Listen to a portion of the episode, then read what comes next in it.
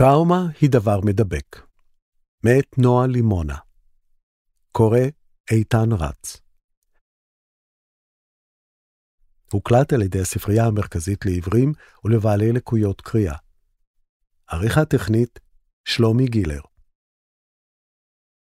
במחקרים שנעשו בשנות ה-90, בשכונות מוכות פשע בארצות הברית, מוזכר המושג Compounded Trauma. בתרגום מילולי זו טראומה משולבת.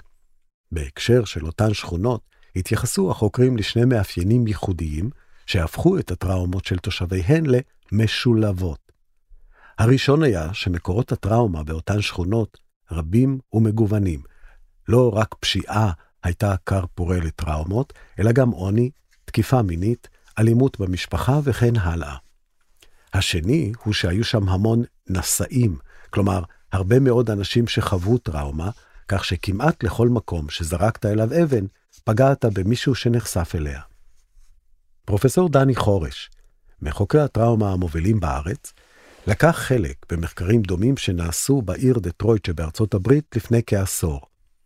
לדבריו, מה שקורה כרגע בישראל עונה להגדרה של Compounded Trauma. כלומר, לרעיון הזה של טראומה לא ישירה, שבה הרבה ממה שאני חווה הם דברים שקרו למישהו ממכריי, הוא אומר. אנחנו מדינה קטנה ודחוסה, כך שכמעט כל אחד מכיר לפחות אדם אחד שנפגע מהמלחמה בדרך כלשהי. השילוב הזה מקשה מאוד על היכולת להתמודד עם המציאות. לא היה דבר כזה בעולם, אפילו לא בהיסטוריה שלנו, כחברה צפופה. חורש הוא פסיכולוג קליני מומחה, ראש המגמה לפסיכולוגיה קלינית וראש המעבדה לחקר טראומה ודחק במחלקה לפסיכולוגיה באוניברסיטת בר אילן. בין התמחויותיו הרבות, יש לו גם ניסיון רב שנים במחקר על פדויי שבי. אף שהוא מזהה מגמה של שיפור ביחס להתייחסות הציבורית לפדויי שבי, ככל שהחברה נעשתה מודעת יותר להשלכות הנפשיות של השבי ולטראומה בכלל, היחס עליהן השתפר, הוא אומר, הוא עדיין מודאג לנוכח הסיקור התקשורתי של הנושא. בשבי יש ממד משמעותי מאוד של אובדן האוטונומיה האישית והימצאות תחת שליטה, הוא מסביר. המעבר הזה הוא מהיר מאוד, מחיים חופשיים בחיק המשפחה, בסביבה מוכרת, אל עבר מציאות אחרת. אין פה הדרגתיות. לכן, הוא מזכיר, חשוב מאוד לנהוג ברגישות כלפי החוזרים. חוויית השיבה הביתה, Homecoming בלשון המחקר, חשובה מאוד בהקשר של טראומה, ונכתב עליה רבות, הוא אומר, המילה רגישות אמנם נאמרת באולפני הטלוויזיה שוב ושוב, אך זאת במקביל לשידורים בלתי פוסקים של תמונות וסרטונים של החטופים ברגעים אינטימיים. יש פה כרגע הרבה מאוד שבויים, וההרכב שלהם עדין. יש ביניהם פעוטות, ילדים, נשים מבוגרות. חשוב מאוד לכבד את שלב המעבר מהיות שבוי ותחת שליטה, להיות אוטונומי וחופשי. זה מעבר לא קל. בהקשר הזה, לדבריו, גם בסיקור התקשורתי יכול להיות מימד של שליטה על השבויים. הפעם, שליטה על ידי ערוצי התקשורת ודעת הקהל, וצריך להיזהר ולאפשר לאדם לחוות מחדש את תחושת האג'נסי שלו. ביחס לניסיונות לחלץ מידע מהחטופים שהושבו, ולהבין את התנאים ששהו בהם ואת השלכותיהם, חורש אומר שיש רצון למצוא לשאלה הזאת תשובה מהירה וקלה, אבל חשוב לזכור שגם בנוגע אליה יש מורכבות, וכדאי לתת זמן כדי לאפשר לדברים הללו להתבהר, ולא למהר לפסוק. לפי מחקרים, אומר חורש, שבי הוא חוויה הטרוגנית מאוד, גם עבור אנשים ששהו בתנאים דומים. יש שחוו מצוקה משמעותית, ויש שגילו חוסן יוצא דופן. יש המון גורמים שמשפיעים על כך, אישיותיים, חברתיים, ביולוגיים. חטופים או שבויים אינם עשויים מקשה אחת, ויש גיוון גם בתוך החוויות הקשות ביותר. לכן הוא מדגיש, יש להתייחס לכל חטוף או חטופה כמקרה חד פעמי ומורכב. בימים אלה, חורש מקדיש חלק נכבד מזמנו לעבודה טיפולית והדרכתית סביב אירועי 7 באוקטובר, בין היתר עם מפוני העוטף. ניסיונו רב השנים במחקר ובטיפול בפוסט-טראומה מאפשר לו להמשיך ולאפיין את מה שכלל הציבור בארץ חווה בשבועות האחרונים. אחת הנקודות המרכזיות של דבריו נוגעת להבחנה בין מה שחלק מהאוכלוסייה בישראל עשוי להיות בפוסט-טראומה לגביו, קרי אירועי 7 באוקטובר, לבין מה שעוד אי אפשר לדבר לגביו על פוסט-טראומה, פשוט משום שהטראומה עדיין בעיצומה. האירוע של 7 באוקטובר הוא אירוע טראומטי מג'ורי אולטימטיבי. אומר חורש בריאיון המתקיים במשרדו באוניברסיטה, הריקה כעת מסטודנטים. יש בו את כל החומרים של אירוע טראומטי קשה ביותר. הפלישה הברוטלית לתוך בתים, ההפתעה הגדולה ביותר שיכולה להיות, האלימות, הסדיזם, המוות בכל מקום. אין אירוע שעונה על הקריטריון של טראומטי יותר מזה. כאירוע שהתחיל ונגמר, אפשר כאמור לדבר על האפקטים הפוסט-טראומטיים של 7 באוקטובר. חורש מונה אותם. אלה סימפטומים שנעים בדרך כלל סביב ארבעה אשכולות, הוא מפרט. הראשון הוא חודרנות, או חוויה מחדש, והוא כולל בדרך כלל פלשבקים, סיוטים וזיכרונות פולשניים. יש אשכול של הימנעות. אלה ניסיונות לא לפגוש בגירויים הטראומטיים, שיכולים להתבטא בהימנעות מהתנהגות מסוימת שתפגיש אותי עם הגירויים, או ממחשבות עליהם. אשכול שלישי הוא עוררות יתר. זו מין תגובת הילחם או ברח שקפאה בזמן. הגוף נמצא בדריכות מתמדת, נפשית ופיזיולוגית. למשל, דלת נטרקת, ואני חושב שזו הייתה ירייה. הריכוז, הזיכרון, השינה, מופרעים ולא שקטים. ולבסוף, ישנו אשכול תסמינים דיספוריים יותר של כאב נפשי, הכוללים בושה, אשמה, השטחה רגשית לעתים, עצב וצער גדולים. זה מזכיר, ברמת הסימפטומים, אלמנטים של דיכאון.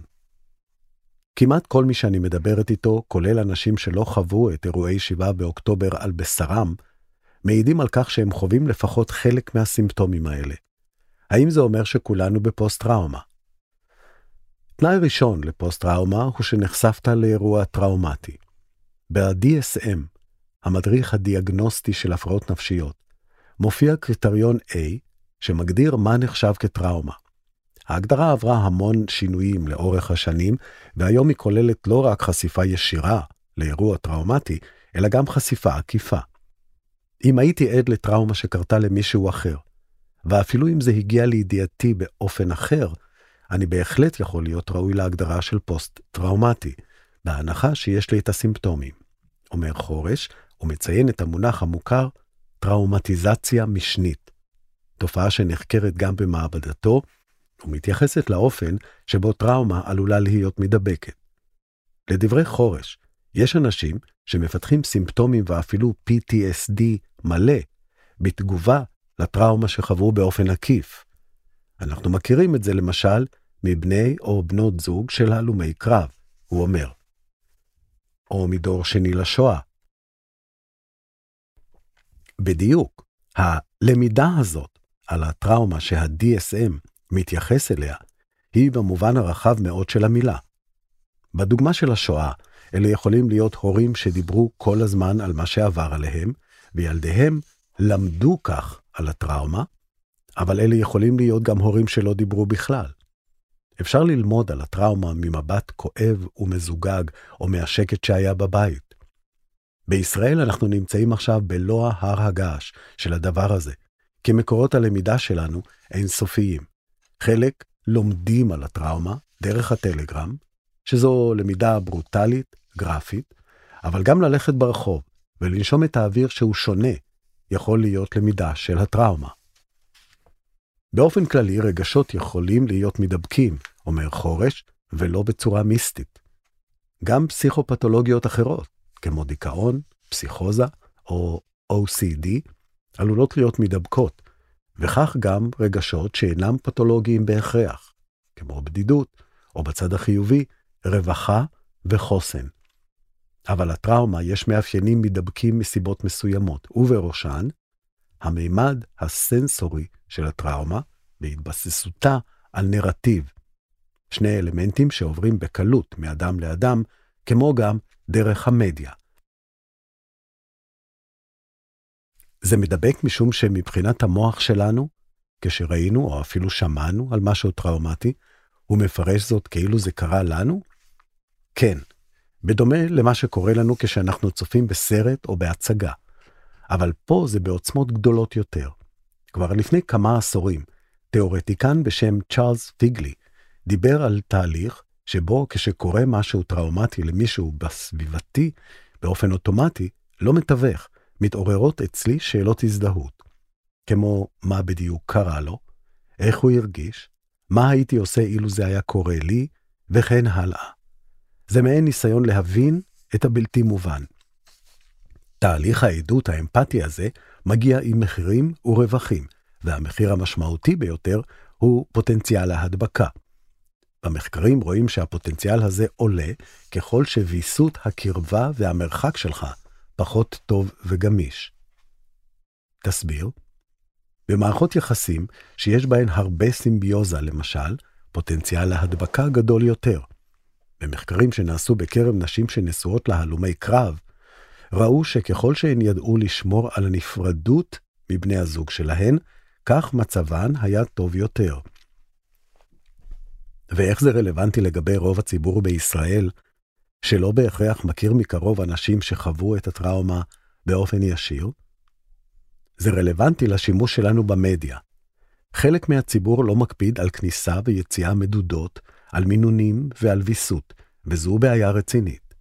אני אומר את זה למרות שה-DSM לא מכיר במדיה כדרך למידה רלוונטית לטראומה משנית. תמיד חשבתי אחרת, והיום ביתר שאת. למה אנשים מסוימים נמשכים לראות את הזוועות? יש מוטיבציות שונות, והמוטיבציה, בשילוב עם המינון, גם משפיעה על סכנת ההידבקות. יש אנשים שצופים בסרטונים מתוך תחושת חובה, כדי להיות עד. כשזו המוטיבציה, ייתכן שיש בזה הגנה מסוימת, משום שנוצקת לכך משמעות, ואני גם נכנס קצת בתפקיד. מוטיבציות אחרות פחות מווסתות ויותר בעייתיות. בראשן המציצנות, שהיא טבעית אמנם, אבל היא לא כל כך רציונלית ולא כל כך נשלטת. אתה יודע איפה אתה מתחיל, ולא תמיד איפה אתה מסיים. יש מוטיבציות של תחושת שליטה וידע, והן מאוד תלויות באדם. למשל, כמה הוא יודע להתמודד עם אינפורמציה, איך הוא צורך אותה, אם הוא יודע מתי לעצור. מוטיבציה רביעית היא הרצון להרגיש. משום שטראומה היא לרוב משהו שקשה להאמין שקרה באמת, יש אנשים שמרגישים שהם זקוקים לחומרים הוויזואליים האלה כדי לעכל שזה קרה. לפי חורש, אחת הדרכים לדעת אם אדם סופג טראומה באופן משני, היא לבחון אם כשהוא מתאר את ההתרחשות הטראומטית, הוא נצמד לפרטי הפרטים הגרפיים, כמו מעין רשומון, או שהוא ממשיג ויוצר משמעויות רחבות יותר. ככל שמתרגמים את התופת למשמעות, כך עולה הסיכוי לשמר את הרווחה. ככל שמוצפים יותר בפרטים, זה כמו בלנדר, שהכנסנו לתוכו מלא חומר גולמי והוא לא מצליח לזוז. זה נכון גם לגבי אנשים שחוו את הטראומה ישירות, וגם לגבי כלל הציבור שחווה את זה באופן משני. בטראומה אתה לא רוצה שהדברים יישארו כאוסף של דימויים מדממים שקפאו בזמן. אתה רוצה לפגוש את הגולמי, לא להימנע ממנו, אבל להתחיל לעשות לו תהליך עיכול. הבחנה נוספת לגבי ייחודיות החוויה הטראומטית בישראל של אחרי 7 באוקטובר, נוגעת למה שחורש מכנה מגירה מנטלית לטראומה. טראומה עובדת על הפתעה, הוא מסביר. ככל שהיא יותר מחוץ לאלמנט שלך, היא יותר טראומטית. ולמרות שידענו לא מעט טראומות בישראל, מלחמות, פיגועים, אין לנו מגירה מנטלית לטראומה של 7 באוקטובר.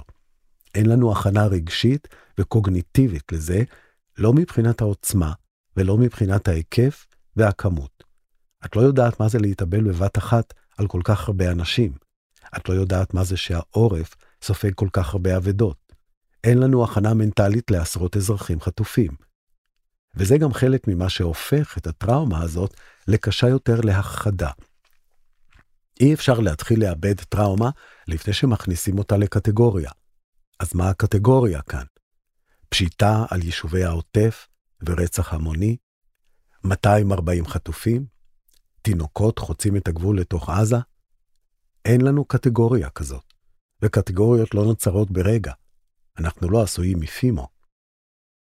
כל זה נכון לגבי עיבוד של אירוע טראומטי שהיה ונגמר, אך כאמור, מצבנו מורכב יותר, משום שמלבד 7 באוקטובר עצמו, שבהתייחס אליו אפשר לדבר על סימפטומים של פוסט-טראומה, אנחנו חווים במקביל התרחשויות רבות אחרות עם פוטנציאל טראומטי, ואלה, מסביר חורש, מתמשכות, אולי אפילו כרוניות. מיד לאחר 7 באוקטובר, נכנסנו בכל מיני ערוצים לתקופה שמכנים אותה פרה-טראומטית, אומר חורש. כלומר שהטראומה בה עדיין מתרחשת. ערוץ אחד כזה הוא המלחמה, שנמשכת כל הזמן. יש אזעקות, טילים, קרובי משפחה או חברים שנלחמים בעזה, יש את מעגל החטופים, מעגל המפונים, אבל והלוויות. אני יכול למנות שישה-שבעה מוקדי טראומה שונים, שבמצב רגיל, כל אחד מהם היה שבר, הוא אומר. לדבריו, ביחס לכל הערוצים האלה, אי אפשר יהיה לדבר על פוסט-טראומה עוד זמן רב. הטראומה מטופטפת לנו, בזונדה, הוא אומר חורש, ומדגיש שכל עוד האירוע הטראומטי לא מסתיים, אי אפשר להתחיל בתהליך ההחלמה. אחרי טראומה, להרבה אנשים יש החלמה ספונטנית, שזה מעודד ומפתיע. אחת הסיבות לכך היא שיש הכחדה של למידת הטראומה, מסביר חורש. כך הוא מדגים, אולי שבוע אחרי הטראומה, אני קופץ בכל פעם שנטרקת דלת. אבל עם הזמן זה יעבור לרובנו, משום שהלמידה הזאת, שקושרת בין הגירוי לתגובה, עוברת הכחדה טבעית, ואם זה לא קורה מעצמו, אפשר לעבוד על זה בטיפול. אלא שההכחדה והריפוי מתאפשרים כאמור רק כשהטראומה כבר לא מתרחשת. המצב הנוכחי הוא כמו גאות ושפל, חורש ממשיך. יש רגעים של רגיעה, של שפל, שבהם אנחנו מנסים למצוא חלקת חוף לעמוד עליה. אבל בכל פעם מחדש מגיעה שוב הגאות. הרבה גירויים טראומטיים מגוונים מתרחשים במקביל ומציפים אותנו. קשה יותר לעשות הכחדה ולהתחיל להחלים בתנאים כאלה. במובן מסוים, מדובר בטראומה קולקטיבית שהציבור בישראל חווה, אבל ברור גם שכל אדם נחשף לגירויים טראומטיים מעט שונים. יש כאן טראומה רב-שכבתית והטרוגנית מאוד. זה חסר תקדים במובנים האלה. אני לא חושב שבמדינה מערבית מאז מלחמת העולם השנייה הייתה טראומת עורף כזאת, אומר חורש. כאמור, הוא מתאר את הטראומה בישראל כ-compounded טראומה, כזו שיש לה ריבוי מקורות וריבוי נשאים. ויש מכפלה נוספת, שמעצימה את הקושי. זו לא רק טראומה, זה גם אבל, אומר חורש. זו מציאות שבה הגבולות בין טראומה ואובדן, שגם ככה מטושטשים, נפרצו לגמרי. אירועי 7 באוקטובר הם ממש ערבוב של טראומה ושכול עצום. זה נכון גם לגבי המלחמה, וגם לגבי חוויית הפליטות, שיש בה היבטים טראומטיים וגם אובדנים, במובן הכי רחב של המילה. אובדן של בית, של מסלולים התפתחותיים, תעסוקתיים, לימודיים, רשתות שלמות שנפרמות. כשטראומה כרוכה באבל, חורש מסביר, הסימפטומטולוגיה מתערבבת. באבל יש הרבה געגוע וכמיהה, אבל מה קורה כשאני מרגיש את החוסר הזה דרך סימפטומים כמו פלשבקים, סיוטים או עוררות יתר? בישראל של היום, האסוציאציה של הרבה אנשים שנזכרים באדם שאיבדו, לוקחת אותם לתמונה מאוד טראומטית. ואז איך תפרידי? זו תחזוקה הדדית, בלתי ניתנת להפרדה. טראומה ואבל הם שני ענפי מחקר שנחקרו לאורך השנים בנפרד, אף שיש ביניהם נקודות השקה. יש בפסיכולוגיה מושג שנקרא אבל טראומטי, מסביר חורש. קלינאים וחוקרים משתמשים בו, אבל הוא לא קיבל הכרה דיאגנוסטית. מה שקורה בישראל הוא הוכחה ניצחת לתוקף של המושג הזה. בתחילת שנות האלפיים החל חורש לקחת חלק במחקר רחב היקף על פדויי שבי, שהובילה פרופסור זהבה סולומון, המנחה של חורש לדוקטורט, המנטורית שלו, ומי שנחשבת למומחית הבכירה בארץ לתחום. המדגם כלל פדויי שבי ממלחמת יום כיפור ואת בנות הזוג שלהם, ומאוחר יותר, גם את ילדיהם הבוגרים. המחקר בחן את הרווחה הנפשית של הפדויים ובני משפחותיהם לאורך שנים. חורש היה מעורב גם בגל מאוחר יותר של המחקר, שהתרחש לפני כמה שנים. בריאיון הוא מבקש לדבר על הנושא בזהירות וברגישות רבה. אילו לא היה מאמין שידרש לחץ ציבורי להשבת החטופים כולם, כנראה היה מעדיף לשתוק, מתוך התחשבות במשפחותיהם, אבל הזמן, כפי שהוא שב ומזכיר בשיחה, דוחק. באופן כללי, חורש מסביר, לטראומה יש מערכת יחסים מאוד מורכבת עם ציר הזמן, יותר מכל מצב פסיכיאטרי או פסיכולוגי אחר. המסלול של התפתחות תגובות טראומה לאורך זמן הוא מאוד עקלקל ובלתי צפוי, הוא מסביר. יש אנשים שכרגע הם בסדר, ותהיה להם התפרצות מושהת, למשל, כפונקציה של טריגרים במציאות. אבל כשמדברים על שבי, אומר חורש, חשיבות הזמן קריטית עוד יותר, משום שזו חוויה שיש לה פוטנציאל להיות טראומה מורכבת. תחום נוסף שחורש מתמחה בו בהקשרים שונים. בתחילת שנות ה-90, הפסיכיאטרית האמריקאית ג'ודית לואיס הרמן כתבה את אחד מרבי המכר הכי גדולים על טראומה עד היום, טראומה והחלמה. בשורתו המרכזית הייתה שישנו הבדל מהותי בין טראומה חד פעמית, כמו למשל תאונת דרכים, לבין טראומה מתמשכת או מורכבת, מונח שהיא טבעה, ומתייחס לגירוי טראומטי ממושך.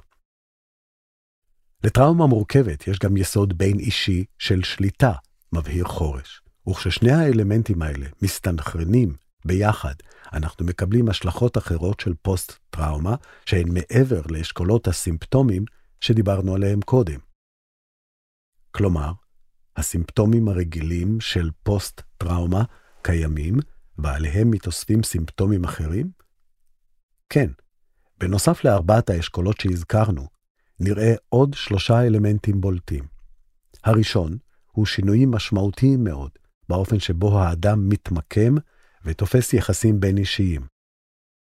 היות שהטראומה הייתה בין אישית, הספיגה היא לרוב באזורים הנפשיים האלה. ואז אפשר לראות תופעות מאוד ייחודיות, כמו הזדהות ומערכת יחסים מופנמת ומורכבת מאוד עם התוקף. אנחנו נוטים לחשוב שבסיטואציה שיש בה שווה ושבוי, תהיה שנאה נוראה של השבוי לשווה.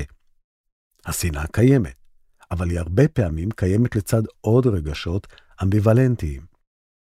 המורכבות הרגשית הזאת מוכרת, לדברי חורש, הן ממחקרים שנעשו על שבי צבאי, והן ממקרי חטיפה מסוימים וממקרים של התעללות בתוך המשפחה. קשה לדבר על זה, אבל זה מנגנון הישרדותי לגמרי. ברמה נפשית עמוקה, הקורבנות מוכרחים לראות בתוקפים שלהם גם בני אדם, אחרת הם בסכנת היחדות. חורש מציע דוגמה תאורטית שתמחיש את המורכבות הרגשית שעשויה להתקיים בשבי. אתה זרוק בתא, לא אכלת יומיים, לא שתית, ואתה כולך חבול. כל מה שאתה רוצה זה שמלאך יבוא ויביא לך אוכל. למחרת בבוקר, מגיע אותו אדם שהתעלל בך יום קודם, ומביא לך אוכל. באותו רגע הוא המלאך שלך. אין הפרדות רציונליות כשאתה תלוי בזה. כשזה קורה במשך חודשים רבים, יום אחרי יום, השווה הוא מלאך ושטן בעת ובעונה אחת. האלמנט השני שמציין חורש בהקשר של פוסט-טראומה מורכבת הוא שינויים משמעותיים בוויסות. לואיס הרמן עבדה עם נשים שעברו פגיעה מינית בילדות, ורבות מהן אובחנו לפני כן עם הפרעת אישיות גבולית, הוא אומר. היא אמרה שזו לא הפרעת אישיות גבולית, אלא תולדה של טראומה מתמשכת שעברו. זה נראה דומה, בגלל הביליות הזאת בוויסות הרגשי, מין יום אסל יום באסל קיצוני, שכולל גם התפרצויות וחוסר יציבות. האלמנט השלישי, שמאפיין פוסט-טראומה מורכבת, הוא שינויים זהותיים. תפיסת העצמי שלי, אם אני תופס את עצמי כפגום או לא, כראוי לאהבה או לא, אם אני תופס את עצמי כאותו אדם על רצף הזמן, או שהזהות שלי נמצאת בדיסאינטגרציה, שהיא פרגמנטרית, טראומה מורכבת מותירה את האדם בקונפליקט לגבי השאלות הללו, חורש מסביר. ובתוך החלק הזהותי, הוא ממשיך, יש גם דיסוציאציה בעוצמה גדולה יותר מאשר ב-PTSD, הרגיל. זאת אומרת, החוויה הזאת, שאני יכול להיות לפעמים מנותק מעצמי או מהמציאות. להרגיש שדברים קורים, אבל לא לי, או שהם קורים לפעמים מעבר לאיזו מראה או עדשת מצלמה. זה קורה כביטוי לחוסר האינטגרציה של העצמי. דיסוציאציה זה מנגנון ההגנה הבוטה ביותר שהנפש יודעת לייצר. חורש חוזר ומדגיש את חשיבותו הקריטית של משך הזמן שבו מתקיימת מערכת יחסים שיש בה אלמנטים של שליטה טוטלית ואלימה. ככל ששוהים יותר זמן בתוך מערכת יחסים כזו של שליטה אלימה או מאוד לא סימטרית, הפוטנציאל להיספגות של אפקטים נפשיים בתוכחה גדל. האם יש מחקרים על ילדים בשבי? קשה לחשוב על מדגמים גדולים של ילדים שהיו במצבים כאלה. יש בעיקר מקרי מבחן, כמו למשל, מקרים של ילדים בודדים שנחטפו. עם זאת, אנחנו יודעים מה המשתנים של טראומה מורכבת אצל ילדים, אפילו רכים. מתוך מחקרים שנעשו על ילדים שחוו הזנחה הורית, למשל, ומהם אנחנו למדים שמבנה ההתקשרות שלהם עלול להיפגע בדרכים שונות. האם אתה יכול לשער מה יהיה ההבדל בין ילדים שנמצאים בשבי לבדם, לעומת ילדים שלפחות אחד מהוריהם נמצא איתם? ברמה הספקולטיבית, מה שקורה אצל החטופים, זה שהחיים ברגע אחד ברוטלי נקטעו לחלוטין. רגע אחד ילד יושב בסלון עם הוריו, ורגע אחרי זה הוא על אופנוע בדרך לעזה. אין יותר ברוטלי מזה. ובמובן מסוים, אם אותו ילד נלקח עם אחד מהוריו או שניהם, נשמר משהו מחייו הקודמים. זה לא רק שמישהו מטפל בו שם, כי לא בטוח שזה תמיד קורה, אלא שבתוך הכאוס הנורא, הוא ממשיך עם משהו שמייצג את חייו הקודמים, וזה משמעותי. כשמדברים על טראומה, כי תחושת התהום הפעורה בין הלפני והאחרי היא השבר הכי גדול. מימד הזמן, מדגיש חורש, קריטי עוד יותר כשמדובר בילדים. גם ככה, הזמנים מקומפרסים יותר אצל ילדים. ככל שהתקופה יותר פתוחה ואלסטית, והנפש לא התגבשה סופית, שעון הזמן קריטי יותר מבחינה התפתחותית, ואנחנו רוצים לקצר אותו ככל האפשר, שיהיה פחות טפטוף של הטראומה פנימה. יש הבדל עצום בין כמה שבועות לכמה שנים. כשמדובר בשבועות, מנגנוני ההגנה שלנו עדיין עומדים בפרץ ויש עדיין חוסן. שק המשאבים שאיתו הגענו עוד יכול להחזיק. חורש מציין את התיאורטיקן סטיבן הופפול, שפיתח ב-1989 את תיאוריית שימור המשאבים. הוא אמר שכשאנחנו מגיעים לאירוע טראומטי, אנחנו באים עם שק משאבים. אלה יכולים להיות משאבים קונקרטיים, כמו מצבך הכלכלי והבריאותי, וגם משאבים נפשיים, כמו תמיכה חברתית, זוגיות, מבנה אישיות, תחושת השליטה והמסוגלות העצמית, וכן הלאה.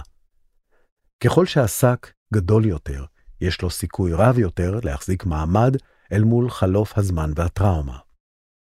יש אינטראקציה מתמדת בין הזמן לבין המשאבים שהגעת איתם, ואנחנו לא רוצים להעמיד את הדבר הזה במבחן. אנחנו רוצים להוציא אותם משם כשעוד יש להם שק משאבים, שנוכל להשתמש בו להחלמה. ההבדל בין כמה שבועות של שבי לעומת כמה חודשים או שנים יכול להתרגם להבדל בין אדם שיוכל לחיות את חייו ולתפקד לעומת אדם שבור? גם כשאנחנו חוקרים טראומות כמו שבי מלחמה, לפעמים כזה שנמשך חודשים רבים ואפילו שנים, ההטרוגניות היא גדולה. יש אנשים שאחרי השחרור בנו חיים למופת מבחינת תפקוד, בריאות נפשית, משפחתיות, חוסן וכן הלאה. עם זה, כאמור, ככל שהחשיפה לסוג כזה של מערכת יחסים של שליטה קצרה יותר, סיכויי ההחלמה טובים יותר. לדברי חורש, נקודה משמעותית נוספת, המושפעת ממשך הזמן של השבי, היא האפשרות ההולכת וקטנה לשמר תקווה. בדומה למה שאנחנו עוברים כאן, כחברה שדואגת להם, כך אצל החטופים. ככל שהשבי נמשך זמן רב יותר, קשה יותר להחזיק בתקווה לכך שזה מצב זמני. ותקווה, הוא מדגיש, היא משאב חוסן נחקר וקריטי גם אצל ילדים. בניסיון לאפיין, לתאר ולהמשיג את מצבנו הנפשי, כחברה, מאז תחילת המלחמה, אי אפשר שלא להתייחס גם לשק המשאבים שלנו, שאיתו הגענו ל-7 באוקטובר, כשהוא מדולדל למדי. הגענו פצועים לאירוע, חורש אומר, ומציין את ההפיכה המשטרית, המחאה והאמון המעורער של רבים מהציבור בממשלה, כגורמים שהחלישו את החוסן החברתי שלנו. אם כי, הוא אומר, ההתגייסות האזרחית מעוררת ההתפעלות, מעידה על מידה רבה של צמיחה פוסט-טראומטית. לדבריו, לפעמים אתה חייב להגיע לתחתית, והגענו לשם כחברה, כדי לקום משם. יש לזה מובן חיובי, אבל אי אפשר להתעלם גם מהמובן השלילי. כישות חברתית, הגענו לטראומות המלחמה עם אור דק יותר. יש כאן אולי צמיחה, אבל גם צניחה, וגם זה מסביר חלק מעננת העצב שכולנו חשים עכשיו. הרבה הורים מוטרדים מהשאלה איך המלחמה הזאת, על כל הגירויים הטראומטיים שלה, תשפיע על הילדים בטווח הארוך. לגבי חלק מהילדים הגדולים יותר, אלה שגדלו בקורונה, ואחר כך חוו את המחאה, ועכשיו חווים את המלחמה, נראה שהם מתחילים להבין שהם דור מיוחד. זו הסתכלות שהיא גם מפוקחת. הם לא חווים רק פגיעה, אלא כבר משהו זהותי, מין מורשת קרב כזאת, התפתחותית. זה טוב או רע? אני חושב שאם מתחילים להטמיע את החוויות באופן הזה, זה לא רע, זה עדיף. לגבי מחירים אחרים, אנחנו לא יודעים.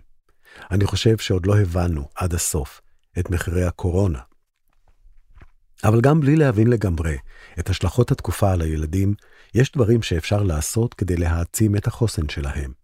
ראשית, חורש מזכיר להורים שהמחשבה שהילדים לא מודעים לכך שיש מלחמה היא אשליה. ילדים הם לא פראיירים, והם בדרך כלל מבינים את המציאות טוב יותר משנדמה לנו, או מכפי שהיינו רוצים. ילד שרץ לממ"ד ושומע אזעקות ורואה שהשגרה השתנתה, לומד מזה הרבה, גם אם לא נאמנו לו על נסראללה ועל המצב בעזה. לא צריך להיבהל מהלמידה הזאת, היא מציאותית, והיא נותנת לנו פלטפורמה לדבר עם הילדים, וחשוב שנדבר איתם ונתווך להם את הדברים באופן שמותאם להם, הוא מצהיר. חורש מציין את כלל היסוד של הורים ובריאות הנפש, במיוחד בהקשר של טראומה. האופן שבו הורה מווסת את תגובותיו לטראומה, מחובר בקשר הדוק לאופן שבו הילד ילמד לווסת את תגובותיו. וכשאני אומר לווסת, אני לא מתכוון להכחשה או להתעלמות מהמצב, אלא לכך שאני מנסה לצקת משמעות, לשמר שגרה למרות המצב המיוחד, להיות עצוב, אבל לתפקד ולא להתפרק. כל אלה הם modeling טוב לילדים. בנוסף, חורש מזכיר את המונח הפופולרי הורות קשובה. שילוב של מיינדפולנס והורות, הוא מסביר, שזה אומר, בגדול, שצריך לנסות לא להיות ריאקטיביים לילדים, אלא לעצור ולהתבונן בהם קודם, ללא צורך לשפוט ולהגיב מיד. זה נותן הזדמנות לראות הרבה דברים שקורים אצל הילד, בבית, וגם אצלנו, ולהגיב באופן מותאם יותר. לבסוף, הוא מתייחס לחשיבות של שמירה, ככל האפשר, על השגרה של הילדים. עבורם זה חשוב במיוחד, משום שפגיעה בשגרה יכולה להיות פגיעה ברצף ההתפתחותי שלהם. גם אם מדובר במשפחה שפונתה מביתה, אפשר לשאוף לשמור על המיליה החברתי, על חוגים ופעילויות שעסקו בהם לפני כן.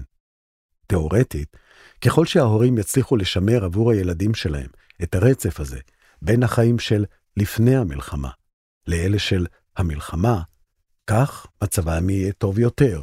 וכמובן שאם הילד מראה סימני מצוקה אקוטית יותר, מבוהל מאוד או חווה סימפטומים, אפשר תמיד להיעזר באנשי מקצוע, הוא מדגיש. לקראת סוף השיחה בינינו, אני שואלת את חורש אם יש לו גם משהו חיובי לומר על המצב הנפשי שלנו, משהו מעודד שאפשר להיאחז בו. חורש מספק את הסחורה. רוב האנשים, גם כאלה שנחשפו לגירויים טראומטיים מאוד, לא יפתחו פסיכופתולוגיה קשה, הוא מבטיח. הרוב, גם אם יפגינו סימפטומים לתקופה, יחזרו לעצמם, והתפקוד שלהם יחזור לעצמו.